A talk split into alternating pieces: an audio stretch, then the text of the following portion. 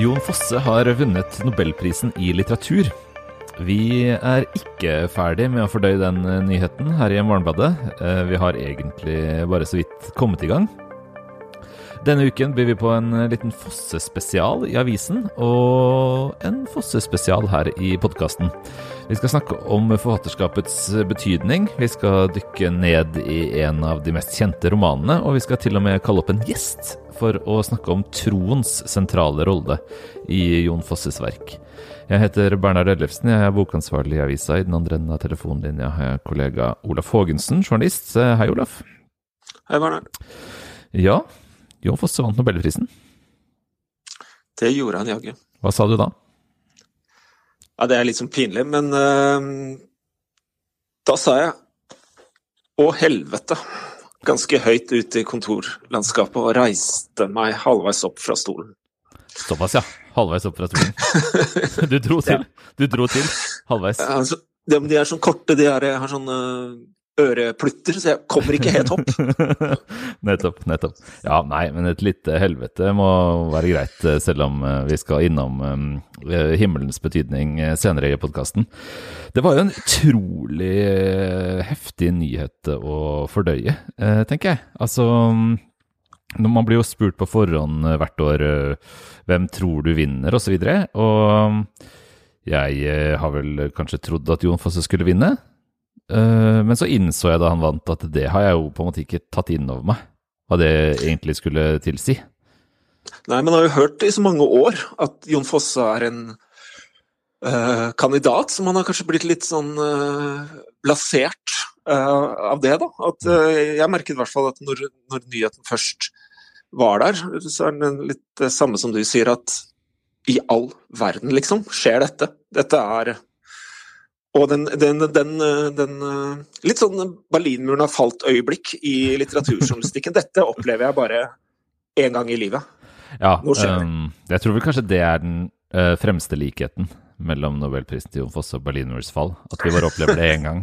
Uh, ellers så vil jeg kanskje begrense likhetene litt, da. Jo da, men den her er liksom uh, Når man sitter i, skal, i, på kontoret og skal Mm. lage avis, liksom.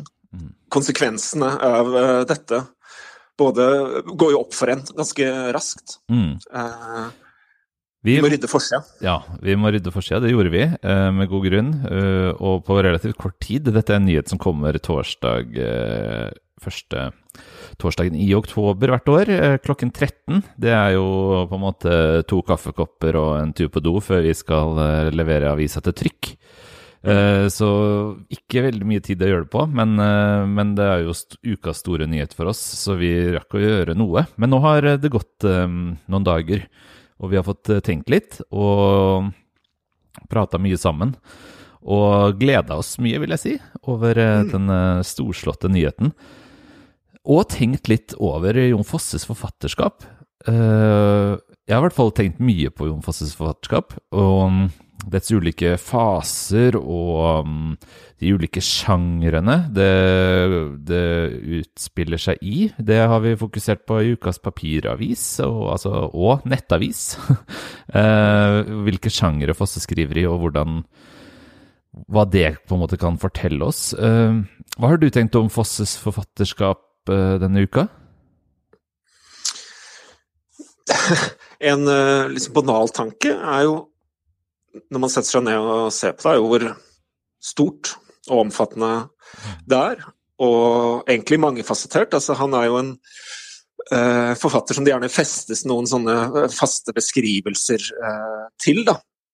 At uh, f.eks. gjentagelsene i prosaen, disse, og egentlig gjentagelsene i dramatikken. Altså, han er en forfatter som er Han er lett å parodiere. Han har en veldig umiskjennelig eh, stil, da. Men så har han jo gjort eh, mye mer enn det, da. Eh, noe som må komme fram i den, eh, den eh, spesialen vi har i dag. Ikke? Så det finnes barnebokforfatteren Jon Fosse.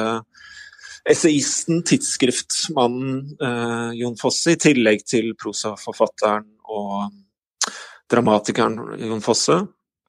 Eh, Poeten. Poeten, ja. Jan, Mhm. Jon Fosse.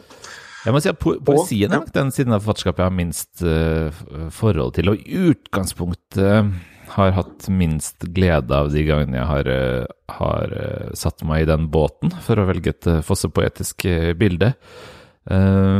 mens essayistikken, for eksempel, det er jo et, en side ved forfatterskapet som nå ikke er så mye omtalt, ikke minst fordi den hovedtyngden av produksjonen ligger et stykke tilbake i tid, og kanskje det mest egenarta ligger langt tilbake i tid, altså i begynnelsen av forfatterskapet. For Fosse var jo øh, nærmest en bladfyk, som deg, rett og slett. Han skrev jo øh, Som deg, da.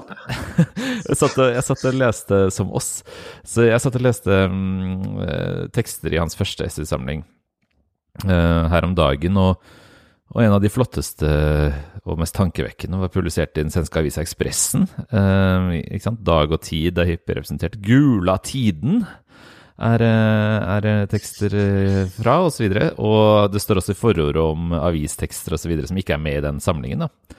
Mm. Uh, og det er jo ganske langt fra de sånn høylitterære, veldig renskårne og ganske gåtefulle teaterstykkene, eh, mm. f.eks.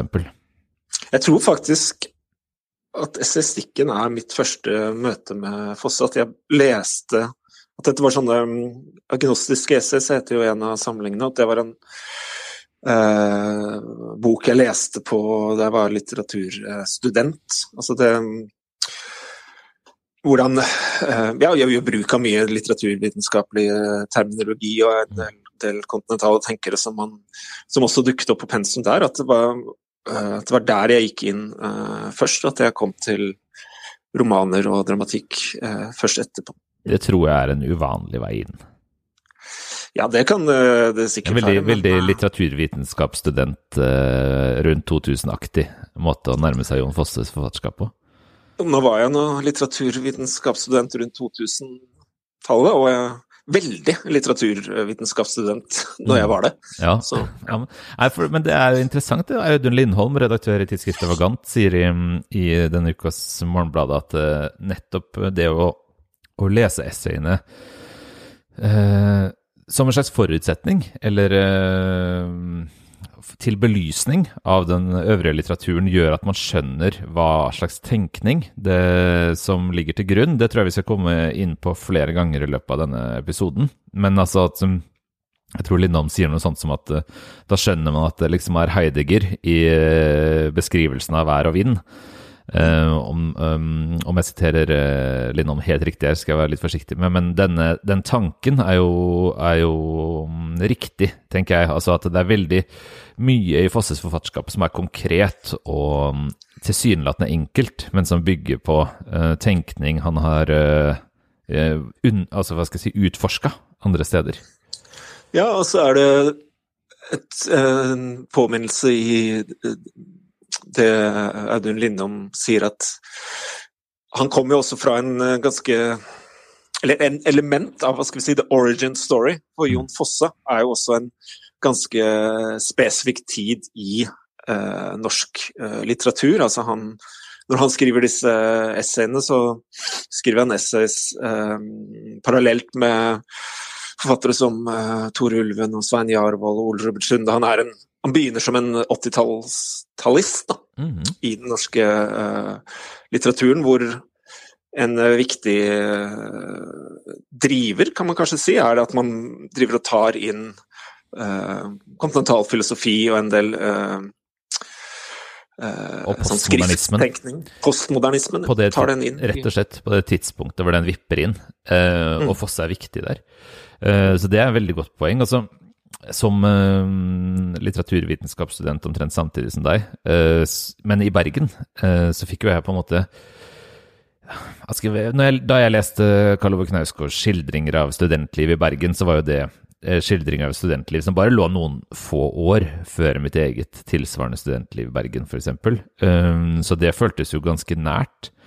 Og Knausgård beskriver jo da et studentliv eller et litteratliv i Bergen som bare det er noen få år igjen etter Jon Fosses. Um, så jeg, jeg, altså jeg må si at det liksom, jeg ser for meg det herre halvliterglassene på den kinesiske restauranten Brød og vin i Bergen, eller liksom Kaffe Opera, eller uh, Instituttet der oppe, eller alt som er veldig del av min, uh, min indre topografi, så er det jævlig rart å tenke at det havna liksom en nobelmedalje inn i den miksen der. at, at disse bergenske halvlitersglassene nå, nå, står side om side med en nobelpris i litteratur, på en måte. Ja. Det føles, ja, nei, det føles faktisk litt sånn. Altså, ikke at det har noe med meg å gjøre, selvfølgelig, men at dette miljøet Uh, og denne, denne liksom sirkulasjonen av tanker og litteratur og skriving og, og jævlig mye regnvær eh, har eh, endt opp her. Ja, nei, det er forbløffende. Det er rett og slett forbløffende, altså. Um, hvilke vi, vi, vi, skal, vi, skal, komme litt eh, inn på Vi har rett og slett lest eh, en Fosse-bok opp igjen. Eh, 'Morgen og kveld'. Eh, den skal vi komme til litt senere.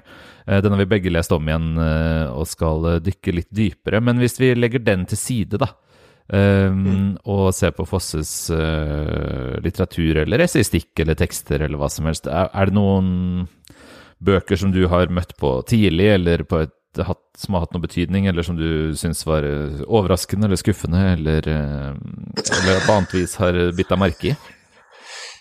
Som så mange andre så er det vel den noen kommer til å komme. Mm. Altså teaterstykket. Uh, som jeg vil, jeg, det, ja, igjen så er det vel kanskje min sånn uh, litteraturvitenskap-studentinngang, uh, da. Men uh, at uh, jeg følte at jeg liksom leste norsk Beckett. Mm. Det, det, fikk man jo på en måte også inn, at det var det man gjorde. Um, mm. at, og det var vel kanskje altså, jeg husker Den svenske teaterkritikeren vel Leif Sern uh, skrev jo en bok som het 'Det lysende mørke', om Fosses dramatikk, som kom ganske tidlig, og som vel sterkt etablerte sånn europeisk kontekst for um, for dramatikken til Fosse og satt der, liksom Det er der det hører hjemme. Det var det man visste. Jeg husker jeg jobba i bokhandel og da jeg var unge leser, og da hadde Fosses bøker så utrolig flotte omslag. Jeg kan ikke forstå for mitt bare liv hvorfor Samlaget ikke bare fortsetter å kverne ut de omslagene på pocketutgavene. De var monokrome, ensfarga, liksom, med en hvit strek på. Det kunne være brun mm. eller blå eller jeg husker eh, noe av dramatikken hans eh, fikk jeg tak i førsteutgaver i sånn brune eh, med smussomslag og med den hvite streken, og det var jo så utrolig fine disse teaterstykket, 1, 2, 3. Um, fantastiske pocketutgaver. Men naustet husker jeg nok aller best. Blå med mm. hvit strek. Og som uh, Espen Stueland annet er innom i Ukas Avis, så var jo dette også Det hadde en aura, ikke sant? Det var de romanene var også, og er fremdeles, vanskeligere enn de han har skrevet de siste årene. De var mer, de var mer utilnærmelige.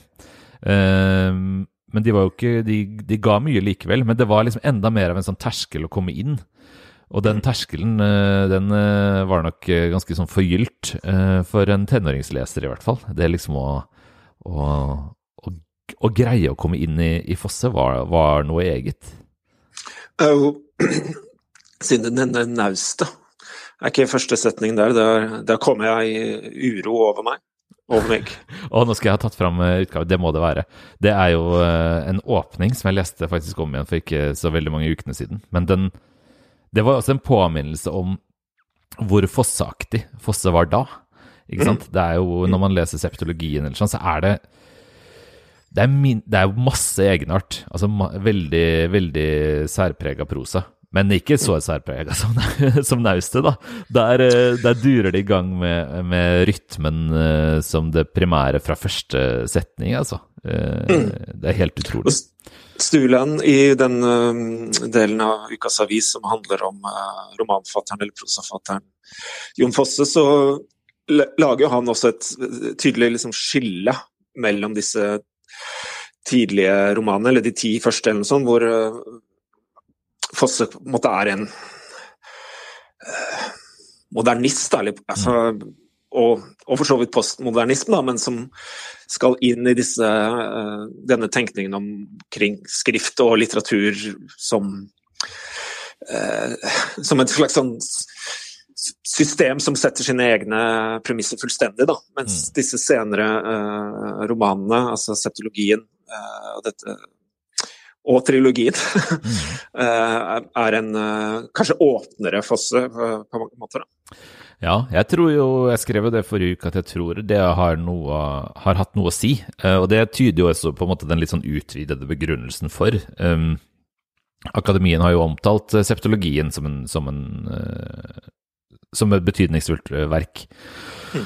Uh, og det er jo, som du hinter til, da, en noe mer tilgjengelig fosse. Og jeg tror ikke tilgjengeligheten er poenget i det hele tatt. Um, men jeg tror um, noe av enkelheten, og kanskje også at han har gitt det realistiske enda større plass. Det har jo gitt Fosse flere lesere også, og det har gitt han hans eh, vel første liksom, gjennombrudd i den angloamerikanske verden. Der har han jo ikke egentlig Han har hatt problemer med å slå gjennom som dramatiker på den måten han har gjort det i Tyskland og Frankrike osv. Uh, men uh, septologien den har jo rett og slett gjort enorm suksess på engelsk også. Mm. Uh, og det er vel noe med at han liksom har jeg tenker ikke han har gitt opp noe eller uh, gitt, hva skal jeg si, forkasta noe, men han har liksom lagt et lag til til forfatterskapet mm. med disse verkene som, som er, um, har en sterkere realistisk motor og um, er enda mer sanselige og lettere, da, mm. på et vis, å lese. De, senere, um, altså de seneste septologien, det har jeg ikke lest. Den hva skal vi si, fosse jeg har egentlig hatt mest kontakt med de siste årene, er en fosse vi ikke nevner i uh, uh, ukas uh, pakke, mm. hvor vi har poeten Jon Fosse, dramatikeren Jon Fosse, prosafatteren Jon Fosse osv. Det er faktisk oversetteren Jon Fosse, som også er uh, en ganske betydelig del av forfatterskapet hans. Altså, det mm. dreier seg om rundt 25 titler han har oversatt, og dramatikk, poesi, prosa, og da Jeg kan jo bare nevne noen Eh, forfattere. Altså Sarah Kane, Harold Pinter på, fra dramatikkens verden. Da. Kafka, Beckett, Joyce fra prosaens uh, verden. Rilke fra poesiens verden. Rilke Duine elegier er vel den seneste oversettelsen hans. Så det er også en, en uh, Altså at han Jeg nevner dette også fordi han i, i kommentarene Eh, på, til nobelprisen, så har han jo også sagt at uh, nevnt at dette er også en nobelpris til nynorsken. da. Så i mm. tillegg til bøkene Jon Fosse selv har skrevet og bidratt til nynorsken med, så har han også da bidratt ved å tilgjengeliggjøre en, en masse nyere, moderne verker i nynorsk tapning. Um, og det var et stort uh, formidlingsarbeid også, særlig på dramatikken. Altså det var jo Det er vel, uh, så vidt jeg kan huske uh, det, Dette tar du jo opp uten at det sto på min blokk, så jeg har ikke sjekka det. Men jeg tror mange av de drama, dramatikkoversettelsene er i en serie han selv redigerte på Samlaget. Så det er jo også, ikke sant? Ja, nettopp. Så dette er jo verk han har valgt ut selv, og tenkt mm. at dette skal finnes på norsk og nynorsk. så der er jo liksom formidlingsarbeidet dobbelt. Og han gjør oversettelsearbeid, uh, det er i hvert fall mitt inntrykk, men på en måte samme selvtillit som han selv eh, skriver prosa eller dramatikk. Da. Og faktisk, for noen uker siden så var jeg i kontakt med Jon Fosse om hans Altså før han fikk nobelprisen, om oversettelsesarbeidet hans. Og da spurte jeg han, eller jeg mailet han.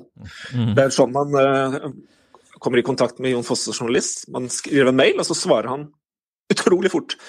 Um, men da spurte jeg han uh, rett ut hvorfor han viet såpass mye av uh, sitt, uh, sin tid, egentlig, til å oversette. Og det har jeg et svar på. Jeg tenkte jeg skulle lese opp, for det syns jeg er ganske Nei, fint. Fortell. Det sier noe om, om hvordan han nærmer seg der. Jo, sitat.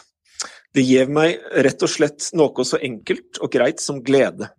Til å lese en tekst så grundig som en faktisk gjør når en omsetter og freister så godt en kan å få den til å snakke med forfatterens røyst på nynorsk. Ja, jeg liker rett og slett jobben.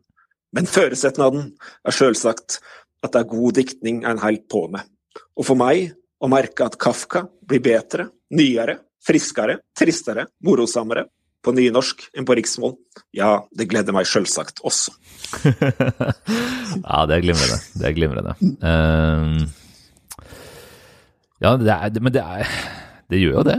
Det gjør det. Han er en god oversetter, da. ja, altså jeg må innrømme at nå har ikke jeg gått og lest disse opp mot originaltekstene. Nei, og jeg tenker vel kanskje at... det, mer, det, blir i hvert fall morsomt og levende ja. og alt, alt, det. Også for uh, og, sammenligningen skal jeg la ligge, men Han oversetter det til nynorsk, men jeg tror også han oversetter det til Jon Fossesk. og det er det mye de stor verdi i det. Sterke forfattere. Yes. Mm. Um, vi har uh, tenkt at vi skal snakke også om troens betydning for uh, dette forfatterskapet, uh, for det er, det er en vesentlig del av det tankeuniverset disse tekstene utspiller seg innenfor og oppå og rundt. Og uh, til å gjøre det, så har vi rett og slett kalt inn forsterkninger i podkasten. Jeg har vært på um, telefon til vår kritiker Live Lund. Eh, så det kommer rett og slett som et eh, eget eh, innslag her, før vi dykker ut i morgen og kveld, Olaf. Men her kommer livet og troens betydning i Fosses forfatterskap. Hei, Live. Hallo. Vi har slått på tråden til deg for å snakke litt om Jon Fosse og Nobelprisen, ja. som vi er mm. hypergira for denne uka. Åh, jeg òg. Jeg er så lykkelig hele tiden. Hvor uh, var du da Jon Fosse brakk staven og vant Nobelprisen? Åh, jeg var faktisk, og dette er ganske utrolig, uh, på vei til ikke noe annet sted enn Hardanger. det er vidunderlig. Så det, det, det føltes som Skjebnen? Jeg har liksom sett for meg at Jon Fosse sannsynligvis den første torsdagen i november hvert eneste år i mange år har bare kjørt uh, fram og tilbake langs fjorden for å kunne ja. si liksom at altså, ja, jeg var ved fjorden da de ringte fra akademien. Uh, ja. Du har ikke gjort det sånn? Du har ikke dratt til Hardanger hver, uh, hver første torsdag i oktober? Nei, altså jeg er ikke det nivået av, av påkoblet. Men, men, jeg skulle jo litt ønske det. Men nei, jeg, jeg, tenker heller da at det må ha vært skjebnen. Ja, ja, det er skjebnen. Hva tenkte du da? Nei, jeg, jeg, følte en helt sånn uh, overrasket glede, rett og slett. Behov for å flagge. Uh, og så så jeg Jeg så liksom rundt meg på mine med, passasjerer og liksom lette etter blikket. Og, men alle bare stirra ned i Ah, du var på et sine. kollektivt eh, transportmiddel? Ja, jeg tok toget. Nettopp. Eh, så jeg var på vei til Voss, hvor jeg skulle bytte til buss. Mm. Så du var på en måte også litt rystet over at ikke man liksom brøt spontant ut igjennom en for sang eller sånn? Ja. ja. ja. Ah, det er veldig sånn som hvis du jeg opplevde det samme når jeg hadde levert masteroppgave, f.eks. For så forventer du at liksom bare alle flagger, ikke sant? men det er ingen som vet det. Det var litt den samme følelsen. Ja. Um, grunnen til at jeg ringer til deg, er at um, jeg har lyst til å snakke litt om troens betydning i dette forfatterskapet. Mm, og det um, ja. skal vi på en måte gjøre på 13 minutter. og det går jo ikke an. Men vi, vi prøver likevel. fordi det, det, man, de fleste har vel rett og slett fått med seg at den betydningen er stor og mm. at den rollen troen spiller, er vesentlig. Men jeg lurte på om vi kunne kanskje nærme oss det ved å begynne med slutten, hadde jeg nær sagt. Altså septologien, det store ja. prosaverket som, som, Fosse har utgitt de senere årene. Uh, hvis vi liksom tar sats der og prøver å se på hva tro er for noe i Fosses forfatterskap, hvor ville du begynt da? Hva, hva, hva skal vi begynne med å tenke, tenker du? Nei, septologien er uh, absolutt riktig sted å begynne, tenker jeg. Fordi her blir mange ting som har ligget i kim hele veien, veldig eksplisitt. Da. Og det, det, er selvfølgelig nærliggende å, å, knytte det til Fosses egen trosreise, at han konverterte til den katolske kirke i 2013. Mm. Og, og altså, septologien er jo rett og slett gjennomsyra av ganske mye eh, kristent, kristne sitater, eller sånn bønner som er på latin, som er eh, Det er jo ikke Fosse som har skrevet dem, det er mm. bønner som, som, brukes i kirken den dag i dag over hele verden. Og, og også at han viser til særlig sin favoritt-kristne tenker, da, eh, meister Eckhart, Mm. som var en tysk dominikanermunk. Um, så det er jo ikke sånn at Fosse gjør en veldig sånn original tenkning rundt teologi nødvendigvis, men han, han viser fram en personlig tro, da. Mm. Men, men den er Samtidig som den er personlig, så er den helt klart knytta til eh, en sånn ytre instans, kirken. Eh, og, og Asle, som vi møter i setologien er jo ikke noe fellesskapsorientert person. Tvert imot. Jeg tror ikke han går i kirke noen gang. Han er jo aleine. Eh, men, men at han allikevel har Det er noen forpliktelse der da, på noe annet enn ham selv. Eh, og det er tydeligere eh, nå i, i, den senere delen av forfatterskapet enn det var F.eks. 'Morgen og kveld' da, er jo en bok som, hvor det er masse nesten sånn esoterisk åndelighet. Eh, det er på en måte oppløsning mellom eh, liv og død, noe hinsidig materie og åndelighet der også. Men, men jeg opplever at eh, denne søkenen er Den har på en måte funnet noe da, når vi kommer til septologien, som er veldig håndfast og konkret. Og jeg syns det er interessant at det oppleves som egentlig en kvalitet, heller enn det motsatte. At det er såpass Det blir ikke platt eller banalt bare fordi det er tydelig. Og det, det er også i litterær sammenheng litt interessant, ikke sant? Fordi Ja. vi vil jo ikke at ting skal være oppbyggelig eller forkynnende. Det ville veldig mange fått Mm. eh, blitt litt slett av. Men eh, ja, så han, han For meg er, er det òg litt spesielt å lese. Hvis jeg tenker på, altså, øh, Du antyder jo allerede her en sånn utvikling. Vi, vi, jeg synes vi skal holde oss litt i septologien, men vi kan bare dra det opp så vidt. da. Altså fra øh, Foss har jo vært forfatter i 40 år, og her snakker vi om et verk som er utgitt de siste få årene. Eh, men tro, eller hva skal jeg si Metafysisk tenkning har jo vært til stede i forfatterskapet, og det har tatt ulike former, og jeg er ikke noe ekspert på det, men sånn som jeg har øh, opplevd det som leser, øh, og yeah. som en leser som kanskje står litt på avstand fra den siden av hans tenkning, så har jeg på en måte forbundet det litt med liksom, ok, det var litt Derrida og litt Heidegger og litt Gud, og det er jo på en måte erkjennelsesmessig overskridelse, ikke sant? Og så kommer Ja. gnostiske essays og en viss øh, fascinasjon for det mystiske, og det forbinder jeg også egentlig med liksom intellektuelle, med, med trosanfektelser, eh, på en måte. Det, det er ikke, vi mener ikke at det ikke er ekte, men, men det er ikke så uvanlig uh, å ha en Det er noe forbehold, på en måte. ja, og det er på en måte noe som mange, mange tenker litt på i dette tankelandskapet. ikke sant? Leser man Heidegger, kan man fort sneie innom en mystiker eller to også. Ja. Men så er det sånn som du antyder, at det, at det tar liksom tydeligere og tydeligere form som Mm. en, en kristen tro, og, og forfatteren konverterer, som du sier. Og, og disse bøkene legger seg klarere oppå et, et teologisk mønster, liksom. Det forholder seg til noe mer konkret eh, og kirkelig, egentlig. Hva slags, hva slags tro eh, er det vi liksom møter i septologien, tenker du, hvis du skal sagt det enkelt? Hvordan, hvordan tros det i, i Hvordan romanen? tros det? Eh, for det første så, så tror jeg det er helt uh, sant det at eh, det er en det er en, på en måte en formalisert og institusjonalisert tro. Eh, så det er én bevegelse. Og så er det interessante at parallelt med det, så er det akkurat som Fosse, som du sier, egentlig avkler seg mye av det der intellektuelle staffasjen. Det er, det er en naiv tro. Også en sånn uh, hengivelse som er eh, ganske sånn erfaringsnær og, og et slags omkved i steptologien er jo at hovedpersonen Asle hele tiden stiller spørsmål ved sin egen tro, og går det noe an å tro? Og, og, og han holder veldig fast i at du kan egentlig ikke si noe særlig om Gud. Mm. Eh, Jeg har et lite utdrag som jeg kunne lest. Ja, strålende. Gjør det. Ja, eh, som jeg tenker er ganske sånn et godt svar da, på hvordan det tros Mhm. i septologien. Og da Asle sin tankestrøm. Og det er jo ikke noe punktummer her, så det er bare tatt ut og avsluttet på et sted. Ja, um, derfra jeg er en annen.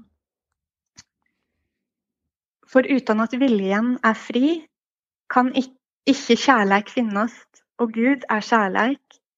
Det er det eneste som blir sagt om Gud i Det nye testamentet. Og dermed er han ikke allmaktsgud, men avmaktsgud, ja, veikskapsgud. Men det er mye makt i veikskapen. Ja, kanskje det er veikskapen som er selve styrken. Og det er mulig at Gud er allmektig i sin veikskap, og at viljen er fri, jamvel om det ikke lar seg tenke. For det er mye en ikke kan tenke, til dømes at røynda er uendelig. Og det forunderlige er at det likevel går an å tro på den kristne budskapen på den glade budskapen, på evangeliet. Merkelig nok, det går an.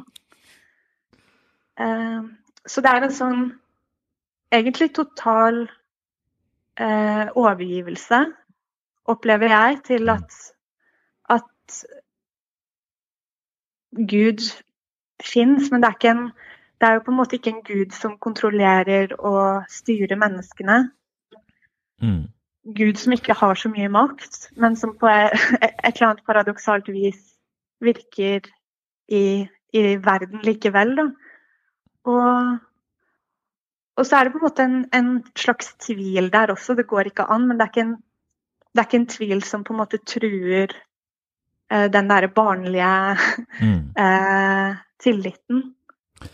Men det er interessant, altså, fordi at Uh, på den ene siden så, så, deler jeg også denne opplevelsen av en slags ivaretakelse av noe barnlig. Og mm.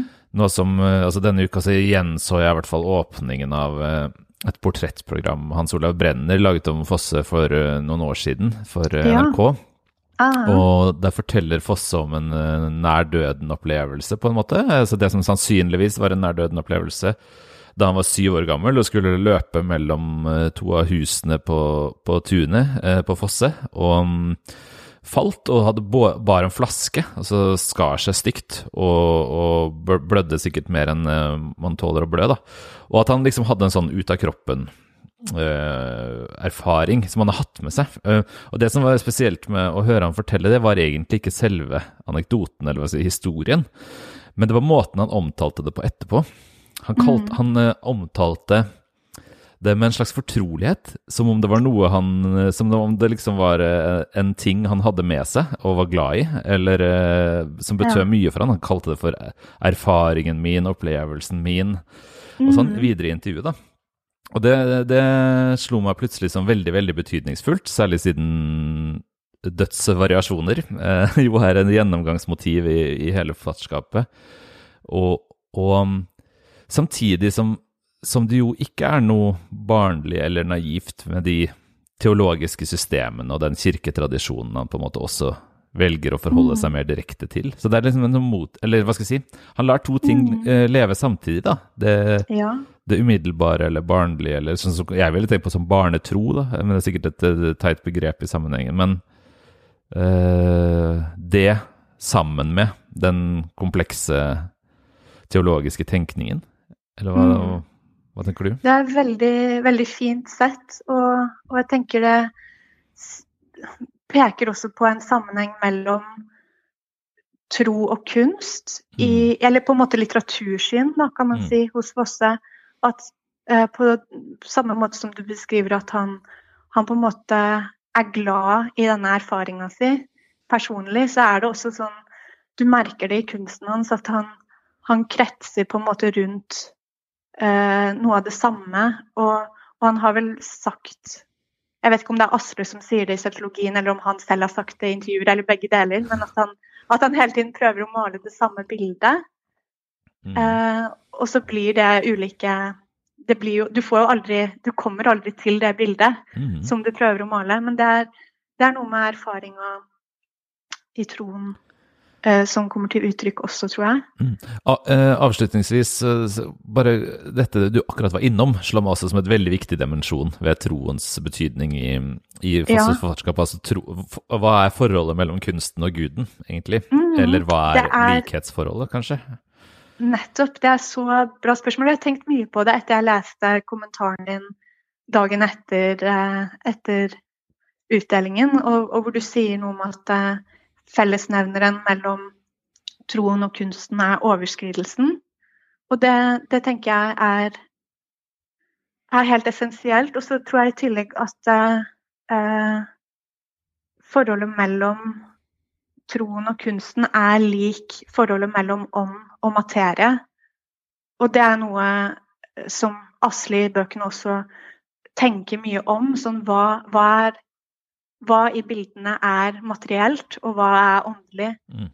Og det er jo sånn vi også kanskje opplever Fosses uh, forfatterskap litt. ikke sant? At hva uh, Ja? Jeg, jeg, det er ikke sikkert at alle opplever det som så veldig åndelig, men det, jeg tror jo at mange kanskje vil ha en opplevelse av at det er et språk som aktiverer et slags indre liv.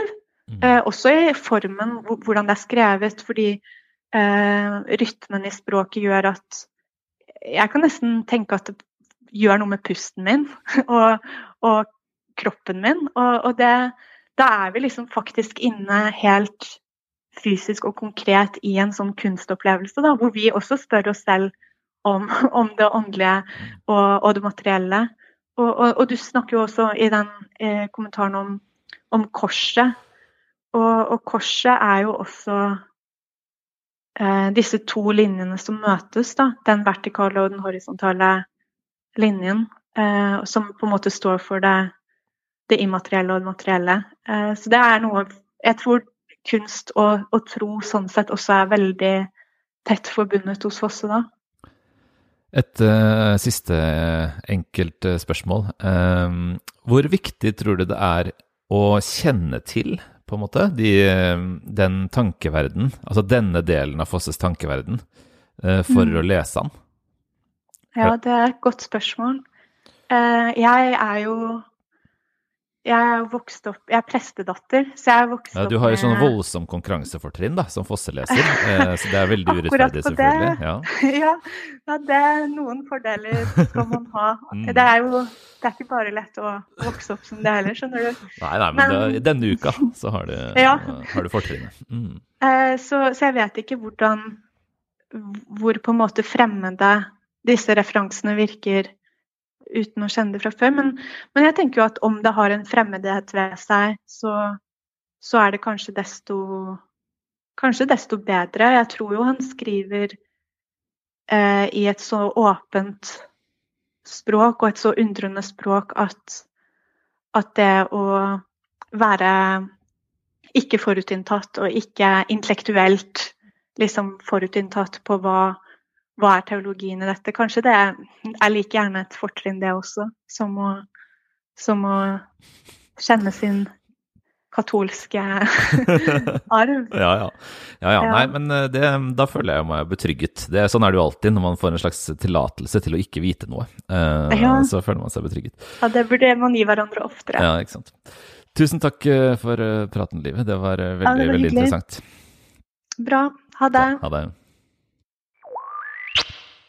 Ja, har du eh, fanget opp eh, troens eh, betydning og lag i morgen og kveld, Olaf? Har du, eh, har du greie på, på hvilket, hvilken tenkning denne teksten er skrevet over? Det kan jeg vel ikke skryte på meg. Jeg har jo da fått med meg at den har et vell av bibelske referanser. Og fordi jeg også har lest gnostiske essays i gamle dager, at det er et innslag av gnostisk tenkning der. Det har jeg vel uh, eh, fanga opp, men det er helt, overfladisk, uh, må jeg innrømme. altså. Vi har i hvert fall eh, lest 'Morgen og kveld', eh, Jon Fosses eh, lille, store roman fra 2000, eh, opp igjen i anledning denne ukas episode. Og vi tenkte vi skulle titte litt nærmere på den. Det, vi kunne tatt hvilken som helst annen bok, egentlig. Men grunnen til at vi har lyst til det, er at vi ikke syns det er riktig bare å si generelle ting om de 70 verkene Jon Fosse har skrevet. Eh, vi må inn i noe tekst, og da kan vi gå inn i denne. Det er i hvert fall en bok som jeg har lest mange ganger, så for min del så er det et eh, naturlig valg. Har du lest 'Morgen og kveld' før? Jeg leste den omtrent midt på 2000-tallet, og så var det et gjensyn nå denne uka. Ja. Mm. Det er en kort uh, roman. Uh, en ganske sånn renskåren tekst. Uh, Espen Stueland omtaler den i denne ukas avis som et slags sånt mellomverk i forfatterskapet, som både peker framover og bakover. Det er jeg veldig enig i. Det skjer noe nytt med denne boka. og det det skjedde vel også da noe nytt mellom Fosse, romanforfatteren Fosse og hans lesere. Jeg tror denne denne vant han mange nye lesere. Det er en kort bok som forteller om en fødsel. Det opptar de første få sidene av boka. Um, det, vi ser det fra farens perspektiv. Vi er jo liksom litt tilbake i tid, aner vi, fordi faren sitter eh, på kjøkkenet og, og, håper at det skal gå bra, mens jordmor er inne og de er hjemme. Vi er jo selvfølgelig på Vestlandet, eh, ved Vågen et eller annet sted. og og et barn blir født. Og det er en gutt, eh, Johannes.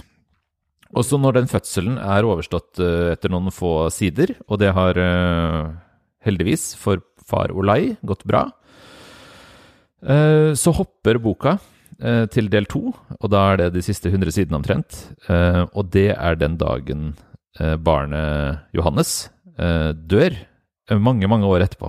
Et helt liv mm. etterpå. Vi er mm. med på en fødsel, Johan, fiskeren Johannes som blir født, og at han dør. Og det er vel kanskje mm. døden som som de fleste vil huske, uh, og som er der, der, det liksom tenkes og gjøres mest i mm. denne boka. Ja, hele del to kan man kanskje lese som et slags utstrakt dødsøyeblikk, da. Mm. Uh, altså det begynner med at han uh, Altså del to da begynner med at han uh, våkner opp i senga si, eller i hvert fall tilsynelatende våkner opp i senga si, og vi blir liksom tatt med inn i hverdagen til enkemannen Johannes. Mm. han går ut på kjøkkenet og spiser en brødskive og tar seg en kopp kaffe og lurer på hva han skal liksom, bruke dagen til. Da. Og så etter hvert som denne fortellingen skrider fram, så blir det jo tydeligere og tydeligere at uh, dette ikke er en uh, dag som uh, alle andre, og at det er noe som skjer med, med liksom, tidsaspektet her òg. Altså mm. den Livet hans, forskjellige faser fra, eller, fra livet hans måtte glir inn i et slags stort nå, på et tidspunkt senere i den fortellingen, så er han jo en ung mann, og vi får se hvor vi er med, hvor han treffer eh, det som skal bli hans kone for første gang, f.eks. Mm. Uh, vi, vi, spoiler denne boka her, uh, for å si det um, ja, Men den spoiles på baksiden den spoiles på baksiden, så det, mm. det bryr vi oss ikke om, uh, fordi slutten er jo så viktig. Altså, det, er, det begynner jo på en måte med at han ikke er så gammel i kropp som han mm. Eh, var han da han la seg. Han føler seg underlig lett. Han føler seg underlig lett, han er sterk. Har ikke eh, de samme smertene og begrensningene som han er vant til. Mm. Um, men så han, det er som du sier, tiden begynner å blande seg. Altså, vi får vite at han er enkemann. Vi får vite at hans kamerat Peter eh, også er død.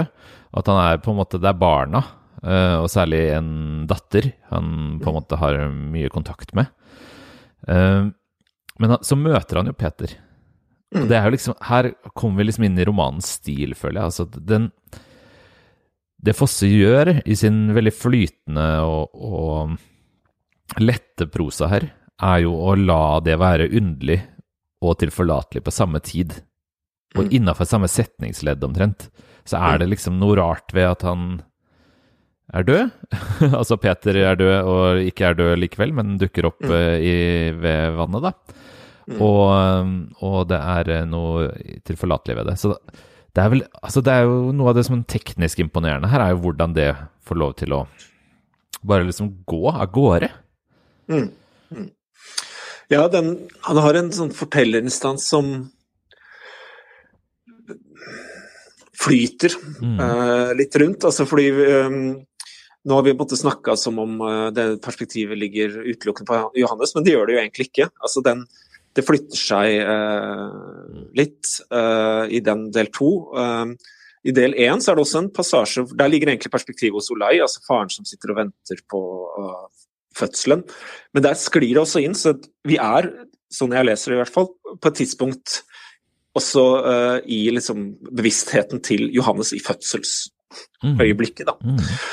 Um, nei, det er, altså, det er veldig uh, imponerende, hele den Altså hvordan det fungerer som en prosatekst. Og så er det også imponerende, som du sier, hvordan denne At det både er underlig og tilforlatelig samtidig. Altså, han, han, han møter jo da Peter som han vet er død, men samtidig så er jo Peter der rett foran han. Så det må han liksom forholde seg til. Mm.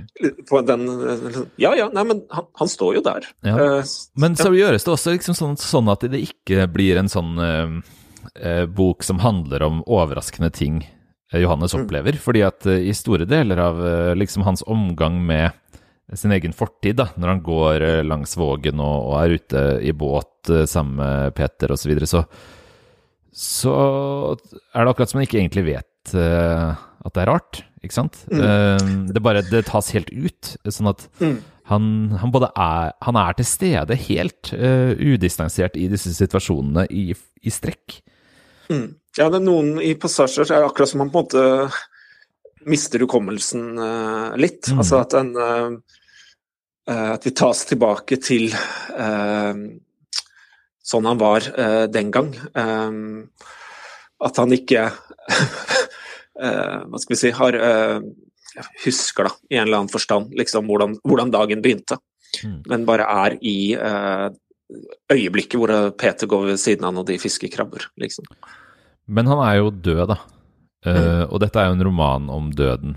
Og mm, jeg har skrevet en bok en gang om uh, litteratur som handler om døden. Da skrev jeg om denne uh, også. Eh, og for meg så, så er det veldig sånn Det er jo en, en spesiell type forestilling om døden her. Den er, den er en, en, eh, en troende persons forestilling om døden, på en måte. Samtidig som det jo er en fantasi.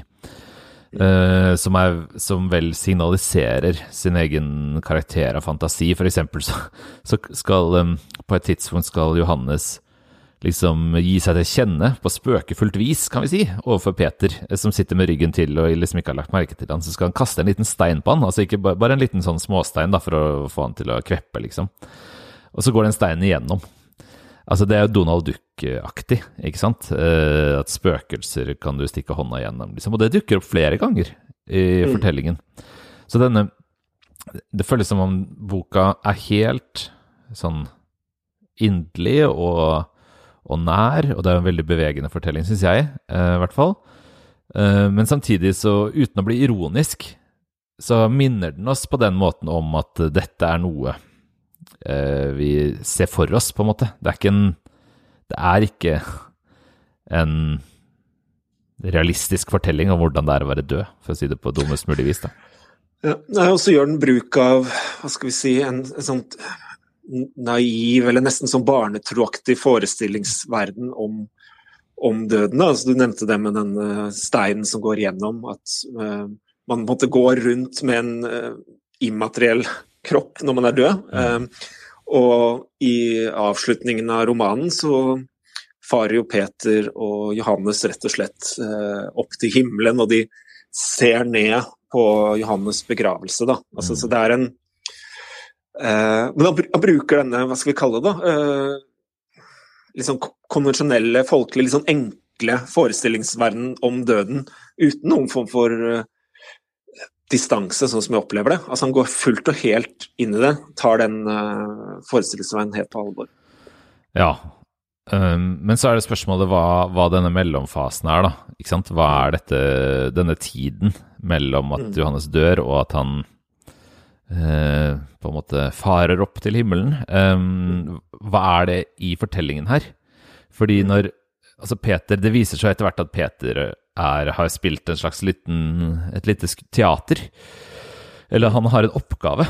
Uh, mm. Så han har spilt rollen som Peter, Føllemann i, i dette lille sånn i de 100 sidene, da, hvor, hvor, Johannes har eh, liksom gått rundt og gradvis oppdaga at ting ikke er som de pleier.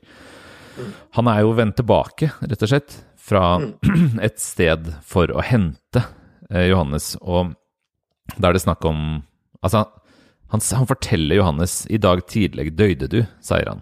Og siden jeg har vært din beste venn, så ble jeg sendt for å hente deg, sier han.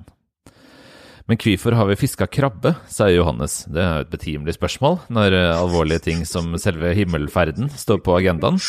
Eh, men svaret er veldig fint, da. Du måtte venje deg av med livet. Noe måtte vi bare gjøre, sier Peter.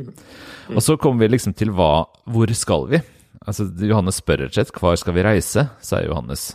Nei, nå spør du som om du fremdeles var i live, sier Peter. Og da er vi jo helt på slutten av romanen, men her kommer jo liksom poenget Eh, der vi skal, det er ikke noen plass, og derfor har den heller ikke noe navn. Og litt seinere så står det Så Ja, det er det siste som sies i romanen, faktisk, selv om det ikke er det siste som står, for det er en liten skildring til slutt. Eh, så sier Peter nå, nå skal orda forsvinne. Mm. Og det går jo ikke an å fortelle. Det var liksom litt av poenget da jeg prøvde å lese sånn eh, dødslitteratur, som jeg kalte det. er jo at det går ikke an å fortelle om det man forestiller seg etterpå, selv om man forestiller seg at det er noe etterpå. Og Fosse har jo liksom laget en måte å fortelle om det på, som jo er konkret, men som sier at det konkrete tross alt er umulig. Mm. Og som har ekko av uh, fra den største litteraturen om, uh, om døden. Da. Altså, jeg tenkte på Dantes 'Vei inn i paradiset', på denne siste her, hvor ordene også på en måte forsvinner, da, eller det bare er mønster og lys uh, igjen til slutt. Mm. Ja, det er jo faktisk Det tenkte jeg på, på som det, det, har ikke gått opp igjen. Jeg husker, jeg husker, også disse beskrivelsene fra begynnelsen av tredje del av ble komedie på den måten, men jeg har ikke sjekka ut, så det er ikke sikkert det stemmer helt. Men, men Johannes spør er det godt å være der. Og så svarer Peter det er verken godt eller vondt, men stort og rolig og litt sitrende og lyst. Og da tenkte jeg også på på Dante, ja. mm. det med det sitrende. Um, mm. Hva, hva, hva syns du om eh, 'Morgen og kveld' som roman, da? Hva, hvordan, hva ga den deg når, når du gjenleste den? Nei, der hadde jeg en uh, Jeg tenker at mye i den liksom uh, At du, den romanen Hvordan den arter seg for deg, kommer litt an på hvor du måtte legger trykket når du leser den. Altså, jeg sitter her med Det må vel være førsteutgaven, og baksideteksten da Jeg tenkte jeg skulle lese for deg, for den er veldig eh, kort. Mm. Den, den, går som følger. Jeg vet hva det skal barn, stå. Det er, veld, det er, veldig flott, da. Dette husker jeg virkelig godt. Mm. Et barn som skal heite Johannes og bli fisker, blir født. En gammel mann som heiter Johannes og har vært fisker, dør. Det er alt, da. Uh, og det legger jo liksom en Innbyr i hvert fall uh, meg da, til en, hva skal vi si, en slags sånn alvorstung lesning. Her skal vi inn i det, det aller største, det er liv og død, da. Mm. Um, samtidig så er det liksom Hvordan spiller man denne romanen av måte, uh, som en slags indre film, da, når man leser den? Mm. Og den indre filmen som hva skal vi si, gir meg størst glede her, er egentlig hvis eh, når, når, den, når, den, er en slags sånn Se for deg en gammel stumfilm, en litt sånn Buster Keaton-aktig hovedfigur. Litt sånn stakkato eh, bevegelser. Altså den, og den scenen når eh, Johannes våkner i del to, med, det, med disse, sånn, det gamle filmtrikset hvor kroppen ligger der, og så reiser på en måte den uh, Han seg opp i en litt sånn uh, halvt gjennomsiktig mm. fasong. og går ut på kjøkkenet mens kroppen ligger igjen der. Da. For det er ganske mye humor i denne romanen også. Mm. Og disse grunnen til at jeg tenker på disse stumfilmene, er at de ofte er litt, det er litt sånn, ofte litt sånn uavklart om man, hva slags sjanger uh, de er i. Uh, er det en tragedie man ser, er det en komedie? Altså, det er akkurat som den uh, I denne filmverdenen så er ikke måte, sjangerne så godt etablert ennå. Og det syns jeg gir mening i denne verdi. Mm. og på en måte lese romanen på den måten. Da. For det er også veldig mye nært og morsomt, nesten på en sånn litt sånn slapstick-aktig måte. Det er en sånn scene hvor, det, hvor uh, de skal ut og fiske, da, Peter og Johannes, og da har noe av denne lettheten forsvunnet fra Johannes. da, så Han er gammel plutselig igjen og skal prøve å komme seg opp på den uh, båten. da. Mm. Uh, du kan liksom se det for deg med de litt sånn stakkato-bevegelsene. Han står sånn og Som et sånn lite komisk intermesso, da, at han prøver å, å vagle seg opp i den uh, båten. Og så gir mye av den Dette er også en roman med ganske mye gjentagelser. Uh, både i um, den fortellende prosa, men også i, i dialogene, da. hvor de sier liksom Det er mye jau og jau, og sånn, sånn er det vel. Ja, det er vel sånn. Ja, ja. Jau, jau. Ja. ja. Uh, også, kom ikke med, her, kom ikke her. Nei, kom ikke her, ja. Mm. Uh, og denne humoren Jeg bare noterte meg et sånt uh, lite uh, lite passasje, da, skal vi se.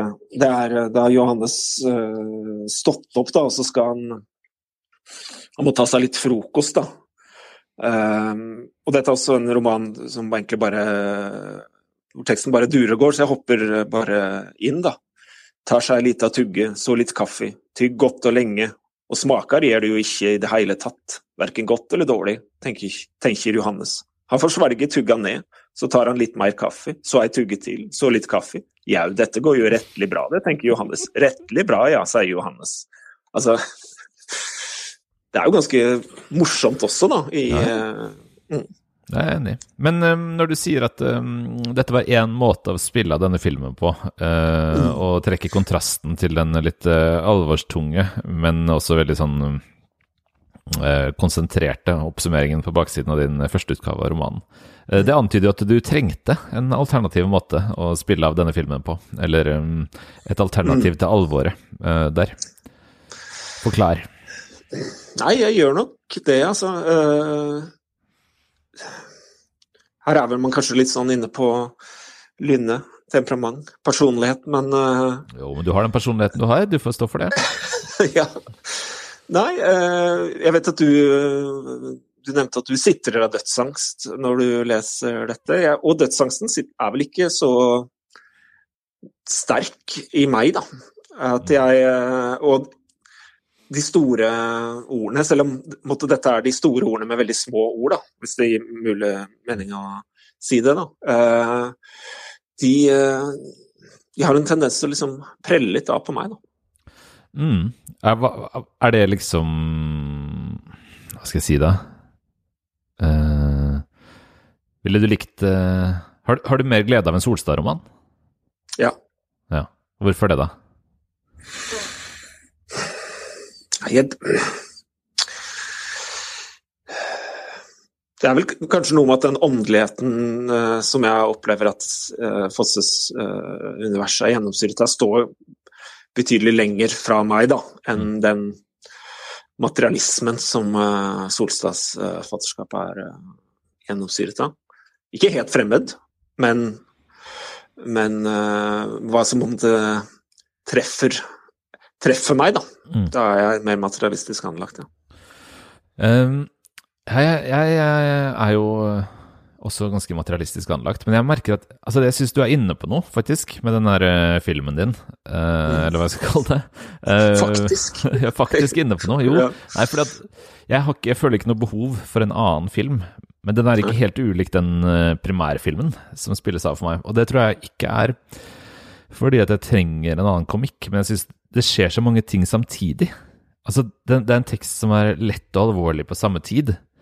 Uh, og som, det skyldes de ordene det, og tygginga og kaffen, kanskje. Og det skyldes uh, at uh, nesten alle tanker og situasjoner i romanen behandles med den samme typen enkelhet som er veldig, veldig lite enkel i sin utforming. For dette er, mener jeg er en virtuost skrevet roman, da.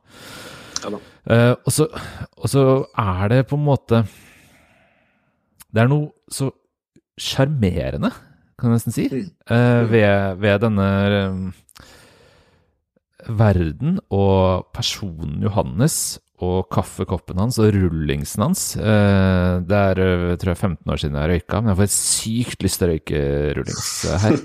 Det virker så koselig å røyke rullings, da. og liksom den Det er noe lunt og samtidig noe stort, ikke sant?